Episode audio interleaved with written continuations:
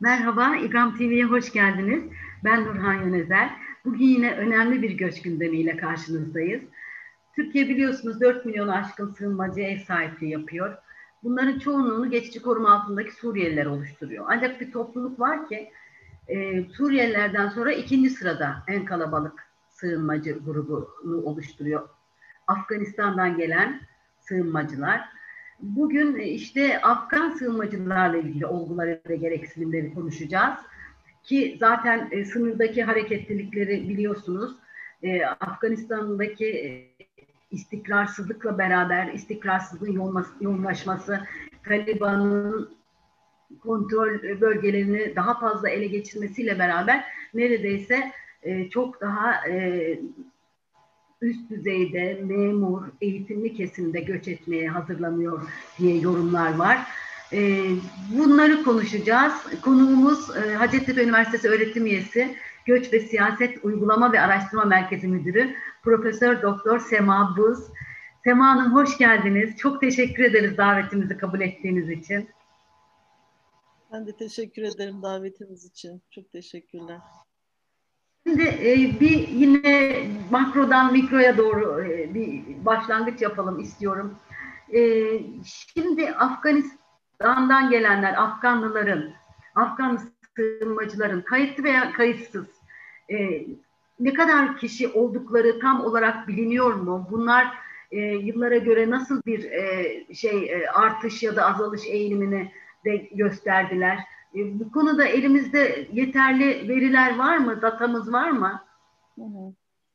E, açıkçası yani bu Dünya Göç Raporu verilerine göre aslında son 10 yılda e, mülteci hareketleri içerisinde Afganlar ikinci sırada, Suriyeliler, Afganlar evet. ve e, Sudanlılar geliyor ilk üçte yer alanlar. E, mülteci hareketlerin yaklaşık yüzde 82'sini oluşturduğundan bahsediliyor bu üç büyük grubun Murana'nın. Afganlar üzerinde ise 2019 verilerine göre örneğin 2.6 milyon kişi ülke içinde yerinden edilmiş durumda. 2.7 milyon kişi de mülteci olarak aslında başka ülkelerden uluslararası koruma başvurusuna bulunmuş durumda. Ee, yani aslında en uzun süredir yerinden edilme deneyimi olan, yani artık istikrarlı mülteciler deniyor mesela. Aslında uzun süredir göç hareketlerine kaynaklık eden bir ülke Afganistan. Türkiye açısından baktığımızda da kayıtlı 170 bin civarında bir Afgan nüfusundan bahsediliyor ama, e, ama e, evet. 94 ile şey, 2014 ile 19 yılları arasında yaklaşık 475 bin kişinin Afganistan'dan geldiğinden bahsediliyor ki birçoğu düzensiz göçmen olarak geliyor aslında Nurhan Hanım.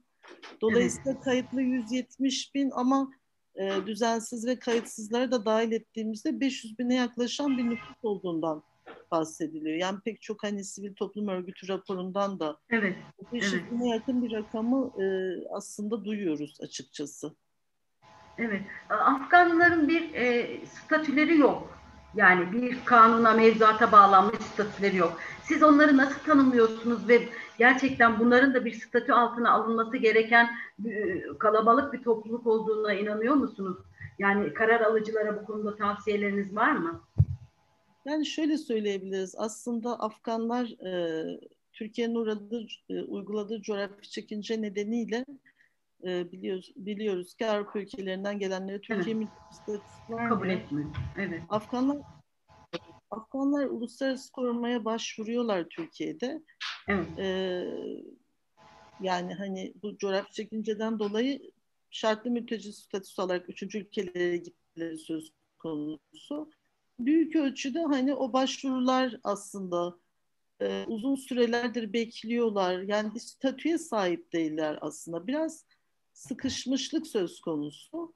Çünkü çoğunlukla hani çok e, karma göç olarak tabir edilen bir göç türüne uygun olarak aslında hareketlilik içerisindeler. Evet savaş var, çatışmalar var ama uzun süredir de ekonomik örneğin bir takım güçlükler var.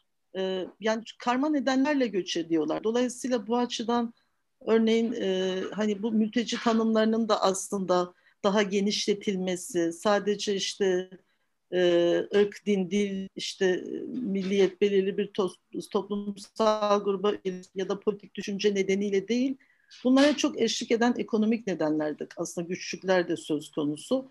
Bunları içerecek şekilde güncellenmesine dair, yani tam genişletilmesine, güncellenmesine dair de tartışmalar var. Bu açıdan gerekli ilgiyi görmüyorlar maalesef. Yani kitlesel olarak geldiklerinde bile hep ihmal edildik, ikinci konumda kaldıklarında ve görünmez olduklarına dair çok eleştiri var. Hak ettikleri ilgiyi görmediklerine dair. Ee, üçüncü ülkelerin alım kotaları da azaldıkça tabii Türkiye açısından daha fazla bir sıkışmışlık söz evet. konusu oluyor. Yasal statü eksikliği başvuruyorlar evet hani uluslararası koruma için ama bekleme süreleri uzun. Yasal statünün eş, eksikliğinin eşlik ettiği pek çok problem yaşıyorlar. Birlikte yaşıyorlar. Temel kamu hizmetlerine erişim noktası başta olmak üzere. Dolayısıyla e, as, aslında bulundukları zemin daha güvencesiz, daha e, kayıt dışı, bunun da tabii daha çok riske ya da sömürüye açık bir aslında durum olduğunu ifade etmek gerekiyor. Bu e, daha çok Van'dan giriş yapıyorlar ama dağılımları nasıl Sema Hanım? Yani e, daha çok doğu illerinde e, kalıp kalıyorlar mı? Suriyeliler gibi büyük şehirlere gitmek üzere mi hareket ediyorlar? Nasıl bir dağılım var? Ee, şöyle söyleyebiliriz, yani daha önceki e, aslında Afganistan'dan olan göç hareketlerinde Pakistan ve İran en yakın e, aslında korumayı sağlayan kapıları açan ülkeler. Evet. Dolayısıyla İran'a giriş ve İran'da aslında büyük e, uzun yıllardır bir yaşama deneyimi var Afganların. Dolayısıyla e, İran'dan gelişler Van üzerinden evet çok politikası hayatından vazgeçtiği için de orada ikamet edenlerin de gelmeye ilişkin bir aslında motivasyonu var. E, çoğunlukla tabii ki bu e, çeşitli şebekeler aracılığıyla düzensiz yollarla geldiklerini biliyoruz. Yasal olan yolları kullanmayarak yaklaşık bir ay süren zorlu yolculuklardan sonra aslında çoğunlukla Van'da sonra Ağrı'dan giriş yapıyorlar çoğunlukla aslında e, hani Türkiye'yi bir geçiş ülkesi olarak görmekle de alakalı e, bir hareketlilik var. Evet. Yani daha önce Mixed Migration Center kapsamında yaptığımız bir çalışma vardı. Hareket halindeler ama istikamet belli değil. Yani aslında hedef üçüncü ülke olarak Avrupa ülkeleri, yakınlarının olduğu ülkeler. E, Türkiye'de hani Türkiye varış ülkesi değil çoğunlukla. Evet. Ama bu yasal statünün eksikliği meselesi ve güvencesizlik büyük ölçüde Türkiye'yi de artık hedef ülke haline getiriyor ve Türkiye'de de hani bir yaşam kurulabilir benzerlikler çok fazla noktasında bir e, eğilim doğuruyor. Ama şunu da biliyoruz Nurhan Hanım, özellikle İstanbul başta olmak üzere büyük kentlere gitme yönünde bir motivasyon var. Ya da bizim Trabzon'da yürüttüğümüz araştırma gibi güçlü bir Afgan komünitesi varsa orada oradan destek alabileceği e, özellikle işte ev bulma, iş bulma anlamında destek olabilecek, danışabilecek yakınlar, tanıdıklar varsa o illere gitmeyi de tercih ettiklerini görüyoruz. Yani dolayısıyla yani tek bir hareketlilik motivasyon değil, çok farklı motivasyonlar olduğunu söyleyebiliriz bu açıdan. Aslında e, şimdi yani gitmek istiyorlar. Evet üçüncü ülkelere ve daha çok Avrupa ülkelerine. Fakat Suriyelilerde de aynı şey söz konusuydu. E, ama daha sonra umut kesildikçe ve e, AB'nin tavrını gördükçe burada daha yerleşik bir hayat kurmaya e, odaklanmaya başladılar. Afganistan'da da Afganlılarda da son yıllarda böyle bir eğilim e, bariz bir şekilde gözlendi mi? Evet, onlarda da yapılan çalışmalara göre gözlemleniyor. Yani üçüncü ülkelerin çok da alma konusunda yüksek isteği olmadığını fark etmekle birlikte Türkiye'deki özellikle bu kültürel dini benzerlikler e, üzerinden eğer yasal statümüz olursa çocuklarımız burada eğitimlerine devam edebilirlerse düzenli kayıtlı istihdama erişebilirsek burada da kalmayı bir alternatif olarak düşünebiliriz. Eğiliminin daha fazla olduğunu görüyoruz. Ama Çünkü Suriyeler orada... örneğin evet. E, yani dönebilecekleri çok fazla aslında e, bir istikrarlı bir ülkede olmadığı için bir şekilde burada tutunmaya çalışma. Tabii ki bu arada tutunmaya çalışma şekilleri daha çok kayıt dışı alanda olduğu için ekonomik sömürü örnekleri çok fazla. bir güvencesizlik ve karşılık aslında ortamında yaşıyorlar. Ama dönebilecekleri e, hani Afganistan'a dönmek bir seçenek olarak ne araştırmalarda da sorulmuyor. Suriyelerle ilgili araştırmalarda soruluyor mesela. Oluyor. Suriye'de neler düzelirse dönmek istersiniz gibi. Evet. Afganistan evet Afganistan ta işte 79 öncesinden başlayarak filan yani 80 öncesinden beri düzenli mülteci üreten hani istikrarlı bir şekilde mülteci üreten maalesef bir ülke olduğu için bu geri dönüş yeri hakikaten ülkeye geçemiyorsa Türkiye'de kalabiliriz açıkçası. Evet. Şimdi bir statü sorunu var gerçekten. Bunun gerçekten belki de iyi analiz edilip bir e, mevzuata bağlanması gerekiyor. Ama bir de sahada karşılaştıkları çok bariz sorunlar var.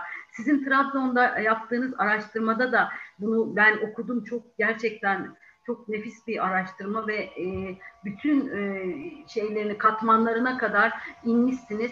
Başlıca sorunları dediğimiz zaman e, böyle ilk beşe neler giriyor Sema Hanım? Yani statü sorunuyla beraber işlediğimiz zaman en büyük sorunları neler Afganların bu belirsizlik içinde? Hı. Yani şunları söyleyebiliriz. Açıkçası geliş nedenleriyle bağlantılı olarak da ele aldığımızda Türkiye'yi daha çok neden tercih ediyor Afganlar? Çok temel nedenleri var. Aile üyeleriyle bir araya gelme. Daha önce gelen aile üyeleri olabiliyor. Onlarla bir araya gelme motivasyonu var. Sığınmaya daha kolay ve hızlı erişebileceklerini düşünüyorlar. Bu nedenle bir geliş söz konusu. Yine ekonomik nedenler. Türkiye'nin barındırdığı çeşitli ekonomik fırsatlar onlar açısından çekici olabilir. Daha iyi yaşam koşulları gibi çeşitli nedenler var aslında. E, Trabzon özelinde yaptığımız çalışmada da e, arkadaşlarım Molise Canlı ve Edip Aygüler'le birlikte ortak yürüttük bu çalışmayı. Aslında çok benzer sorunlarla karşılaşıyorlar. Birçok çalışmada çok benzer. Bunlar çok temelde ilk hani diyebileceğimiz dil sorunu yani en evet. temel başat sorunlardan birisi. İstihdam meselesi yani istihdama düzenli istihdama erişimle ilgili çok fazla güçlük var. Ee, yani bizim sorularımızdan biri örneğin aylık gelirinizdi. Aylık gelir diye bir kavram yok. Yani kavram. evet o kadar düzensiz ki Nurhan Hanım. Yani inanılmaz düzensiz. Yani ay, çok stabil olmayan, çok belirsiz aslında gelirlerle yaşamak durumunda kalıyorlar. Çok uzun süre e, çalışma ve çok düşük gelir ve düzensiz bir gelir var. Kamusal hizmetlerden yararlanamama çok temel sorunlardan birisi olarak ortaya çıkıyor. Ee, en temelde söyleyebileceğimiz aslında bunlar. Yerel halkla, yerel toplum üyeleriyle tabii iletişimleri çok sınırlı. Yani e, bu anlamda örneğin etkinliklerin artırılmasını istiyorlar. Yani kültürleri tanımak, kaynaşması noktasında örneğin çeşitli etkinliklerin olması.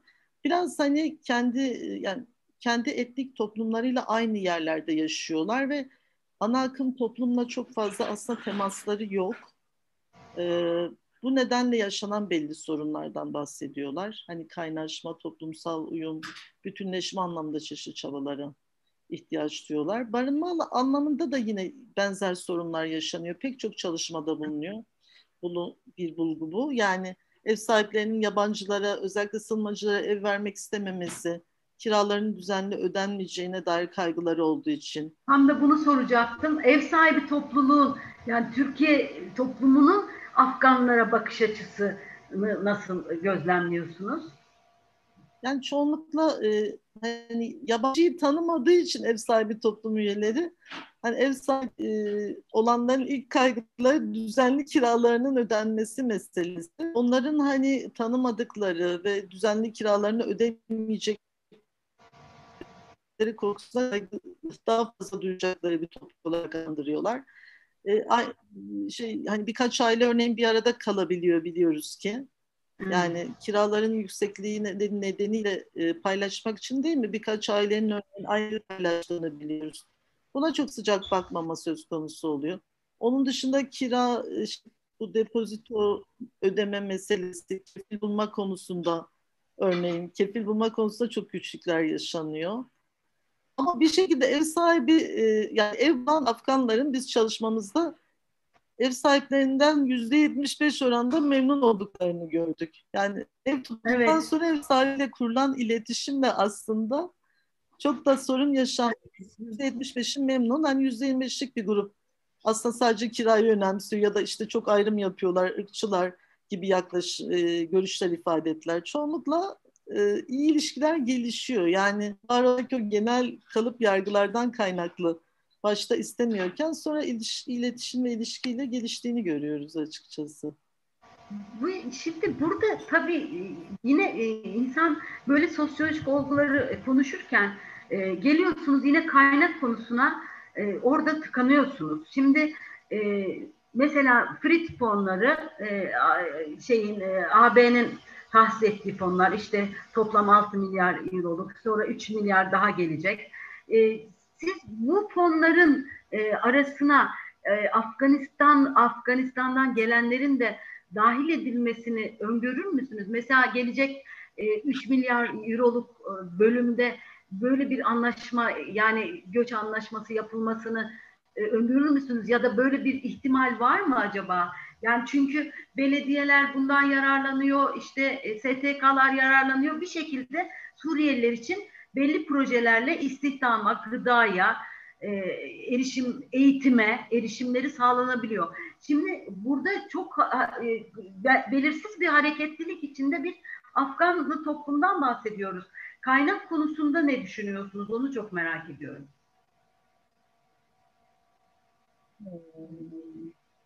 Yani çok bence yararlanmaları hani makul yararlanması konusunda projeler yapılması gayesi.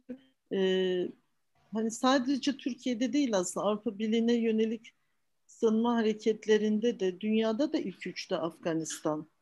Yani evet. bunu görmez e, sorunu çözmeyecek. Dolayısıyla hakikaten ayrı kaynaklar ayrılması, Suriyelilerin yararlandığı fonlardan yararlanıyor olmalarını sağlamak gerektiğini düşünüyorum insan hakları ve sosyal adalet temelinde yapılan çalışmalara baktığımızda da kendileri de bunu ifade ediyorlar. Yani bütün kaynaklar Suriyelilere ayrılıyor, bütün yardımlardan Suriyeliler yararlanıyor. Ve biz hiç görünür değiliz. Yani kimse bizi önemsemiyor. Bize dair bir duyarlılık yok diye. E, bu açıdan hani benzer özelliklere sahip ya da benzer e, nedenlerle gelen insanlar e, arasında hiyerarşik bir şey yaratmak da çok mümkün değil. Tabii ki sayısal olarak Suriyeliler fazla ve daha fazla ilgiyi hak ediyorlar ama diğer grupları da bu açıdan görmezden gelmemek gerekiyor. Yani bu fonlardan yararlanmaları konusunda bence talepte bulunmak gerekiyor. Ve onların da bu yönde talepleri var. Onlar da bunu dile getiriyorlar. Ama bir yandan da şey tartışıldığı için hani bu, bu acaba düzensiz göçü teşvik eder mi?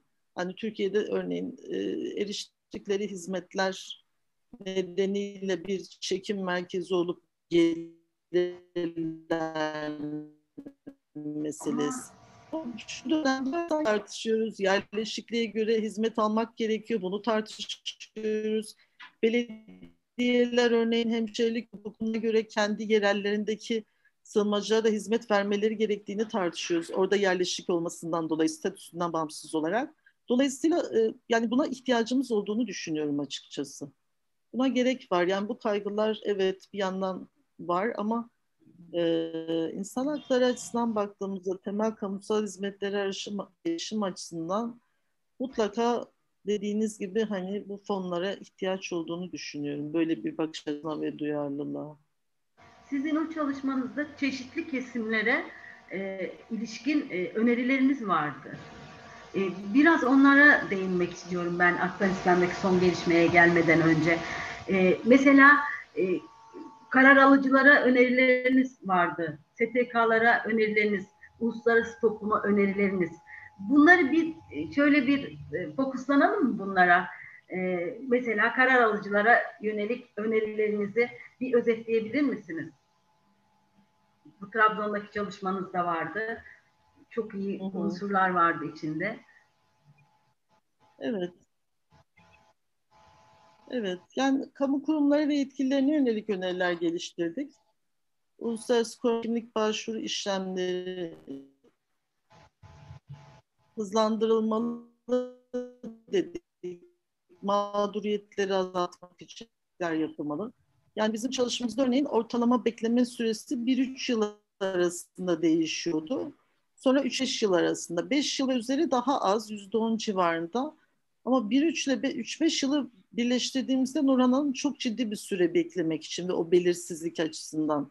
Çünkü belirsizlik uzadıkça aslında insanların kaygıları da artıyor geleceğe evet. ilişkin olarak. Statü e, konusunda ne olacak buna dair hani karar verilmesi gerekiyor. Bir yandan da tabii ki bu iş piyasasına ara, işte araya da kalifiye eleman eksikliğinden ötürü istihdam açığı olan alanlara yönlendirilmesi konusunda önerilerimiz oldu. Yetkin olduğu alanlarda mesleki eğitim, iyi bir dil eğitimiyle güçlendirilerek yine akreditasyon kazandırarak istihdam edilmelerini e, önerdik. Yani istihdamla ilgili çeşitli önerilerimiz var aslında. Evet. Bir yandan e, tabii hani bu kendi iş yerini kurma meselesinde Suriyeliler biraz daha avantajlı. Afganların evet. açıdan çok fazla kaynakları yok. Yani istihdam ağırlıklı aslında desteklenmesi gerekiyor evet. diye önerilerimiz oldu. Yine eğitim açısından okula kayıt konusunda güçlüklerin azaltılması, çocuklara yönelik dil öğrenme imkanlarının arttırılması. Çünkü dil çok temel bir yerde duruyor açıkçası. E, temasın artması noktasında yine Afganlarla komşularının, yerel toplumun çeşitli önerileri oldu. Uluslararası ve ulusal STK'lara yönelik özellikle dil sorunun aşmaları yönünde yine kamusal evet. hizmetlerden yararlanamayan Afganlar için örneğin hizmetlere nasıl başvuracaklar bununla ilgili önerilerimiz var. Ee, sürdürülebilir ve fon sorunlarının halledilmesine yönelik önerilerimiz vardı uluslararası topluma yönelik olarak da göç rotalarının düzenli hale getirilmesi, özellikle uluslararası korumaya erişim, iltica hakkı başta olmak üzere hakların gözetilmesi meselesi, güçlendirilmesi bu hakların ve temel alanlarda barınma, eğitim, sağlık, istihdam gibi e, erişimlerin arttırılması noktasında çeşitli önerilerimiz oldu. Evet dil sorununa gelirsek bu e, dil kurslarından falan yararlana tamamen yararlanmıyorlar. Onlara açılan bir kurs e, çok spesifik kurslar var mı Sema'nın? Bu dil, dil bariyerinin aşmadan da bir şey bir, bir ilerleme olmuyor çünkü. Ne uyum için olabiliyor ne de Afganistan'ın Afganlıların e, kendi şeylerini refah düzeylerini yükseltmeleri açısından da çok önemli. E, bu konuda dernekler birkaç dernek çalışıyor zannediyorum ama onun dışında böyle yerel yönetimlerin falan Afganlar için açtıkları spesifik kurslar var mı sizin e, izlediğiniz? Yani derneklerin halk eğitim merkezlerinin kurslarını o kurslar olduğunu biliyorum. Ama kursların varlığından çok kurslara erişimle var. Uzun saatler çalıştıkları için örneğin daha esnek olmasını kursların akşam örneğin hani çalış işten döndükten sonra alabilecek daha geç saatlerde kurslar ya da hafta sonu kursları gibi. Yani formal kurslara erişimle sıkıntılar var. Kadın zaten çoğunlukla eriş, erişemiyorlar. Bakım sorunları nedeniyle örneğin çocuğunu bırakıp gidemiyor filan. Yani kadınlar için ayrı toplumsal cinsiyete dayalı eşitsizliklerden kaynaklı var. Erkekler de daha çok bu çalışma saatleriyle bağlantılı daha esnek kurslar talep ediyorlar. Ama formal kurslarda mı öğreniliyor dil? Daha çok sosyal etkileşimlerle öğreniliyor. İş yerinde öğreniyorlar. Evet. Komşularla kurdukları ilişkilerde öğreniyorlar. Ee, yani birçok çalışmada formal kurslardan haber haber olma oranının da düşük olduğunu görüyoruz. Daha çok sosyal ilişkilerde ve çalışıyorsa iş yerinde e, öğreniliyor. Dolayısıyla birçok çalışmada görebiliriz mesela kursların varlığının yanı sıra aslında e, kurslara erişimle ilgili saat düzenlemeleri, esneklik, kadınlar için örneğin bakım hizmetlerinin düzenlenmesi, çocuğunu bırakılacak bir yerin olması kurs bünyesinde gibi bir takım kolaylaştırıcı düzenlemelere de aslında ihtiyaç var. Göçün, göçün kadınlaşmasında Afganlılar nerede? Yani tek başına yani seyahat eden... Evet. Ee, Şöyle diyebiliriz Nurhan Hanım, e, göçün kadınlaşması açısından aslında Türkiye'ye yönelik mesela Afganistan'dan gerçekleşen göçlerde hep profil e, yetişkinlik dönemindeki erkek ve e, şey e, daha çok bekar olanlar. Yani kadınlar e, tek başına göç anlamında e, çok ön planda değiller aslında. göçe karar verme ve çıkma açısından. Afganlar özelinde söylüyorum. E, kadınlar daha çok aileci nedenlerle, işte çeşitli istismarla, cinsel taciz örneğin, zorla evlendirilme bu gibi nedenlerle gelebiliyorlar. Yine ekonomik nedenlerle geliyorlar. Ama böyle profil daha çok bahsettiğim o genç e, bekar ve erkek profil gibi. Evet. E, fakat bizim çalışmamızda cinsiyet çok yakın bulduk biz açıkçası. Oranlar çok yakın birbirine. E, dolayısıyla farklı biliyor. Yani hani hangi rotada hangi göç hareketliliğine baktığımızda hani ona göre farklılaşan bir şey var. Ama çoğunlukla e, hani erkek başlat, ailenin karar verdiği, önce erkek erkek aile üyesinin yola çıktığı, orada tutunursa gittiği yerde diğer aile üyelerini yanına aldığı bir hani zincirleme göçten bahsediyor. Ama bizim çalışmamıza çok benzer çıktı oranlar dediğim gibi. Hani fark, biraz daha farklı çıktı genel profilden. Yani e, evli olanların oranı fazla bizim çalışmada örneğin. Daha çok lise mezunular. Yine genç yetişkinlik dönemi daha çok çıktı. Ee, ama çoğunlukla hani böyle bir profilin açıkçası.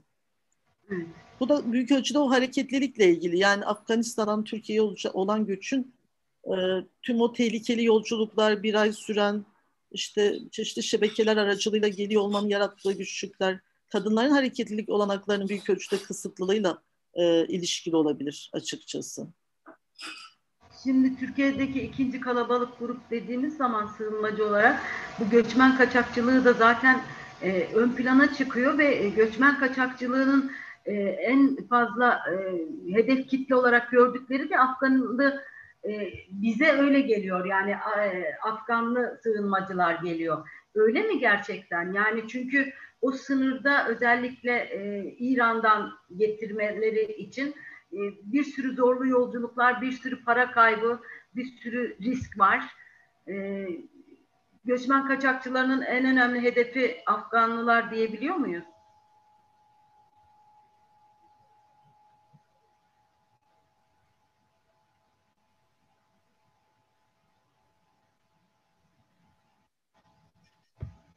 Tema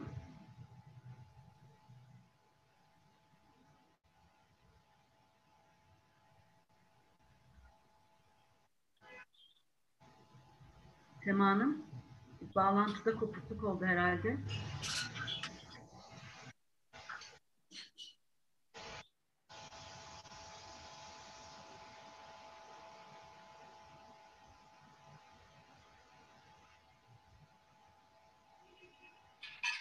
Sema Hanım, dondunuz. Teknolojinin şeyleri, cilveleri bunlar. Duyabiliyor musunuz sesimi? Şu an duyabiliyorum. Benim ekranım siz dondunuz. Çok özür dilerim. Estağfurullah. Estağfurullah. Oluyor böyle şeyler başımıza geliyor. Ben şeyi söylemek, sormak istemiştim. Ee, evet. Ee, göçmen kaçakçılarının en önemli hedef kitlelerinden biri de Afganlılar herhalde. Yani evet. e, onlar o kadar risk grubundalar ki bu açıdan. Bu, bu konuda da bir değerlendirme yapabilir misiniz? Tabii yani e, daha önce yaptığımız Mixed Migration Center e, çatısı altında yaptığımız bir araştırma vardı Afganlarla ilgili. Çoğunlukla hakikaten bu şebekelerden yararlanarak gelme söz konusu oluyor. E, fakat şöyle şey, çok aslında o sürecin kendisi de ciddi bir yani istismarlar zinciri diyebiliriz. Yani belli bir mesela fiyata anlaşılıyor ama süreçte diyelim ki Aa, işte yeni riskler eklendi deyip daha fazla para talep edebiliyorlar. E, bir yandan e, o hareketliliğe katılan kişilerin sahip olduğu çeşitli özellikler, örneğin yaşlıysa, hastaysa onları hani geride bırakılacak kişiler olarak görebiliyorlar. Daha çok hani e, yani mümkün olduğunca aslında hayatta kalanlarla ilgilenme gibi durumlar söz konusu olabiliyor. Ve çoğunlukla da bu süreçte aslında örneğin temel gıda yani yiyecek olmadan, soğumadan yapılan yolculuklar, uzun süreli yolculuklardan bahsediyor bu şebekelerden yararlananlar. Ödeme yapılmadıysa örneğin alıkoyma Türkiye'ye geldiğinde. Yani bırakmıyor hani. Evet yani hani bunu ödemeden ki bu arada fiyat da artmış olabiliyor anlaşılan fiyat. Dolayısıyla e, hani varışla birlikte aslında biten bir süreç de değil. E, o sürecin kendisi hani hakikaten çok fazla risk barındırıyor. Çoğunlukla da ama hani başvurma konusunda tabii ki hani Afganların motivasyonu daha fazla olabiliyor. Göze alamayabiliyorlar tek başına o rotalardan geçmeyi açıkçası. Evet. Ee, e, okuyor. Mesela sürekli statündeki işte geçirip ta İstanbul'a kadar götürebiliyoruz.